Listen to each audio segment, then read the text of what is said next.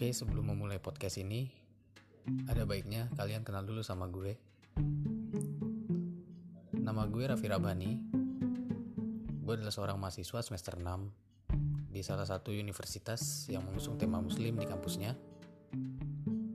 Fakultas Ekonomi, jurusan manajemen berfokus pada manajemen sumber daya manusia.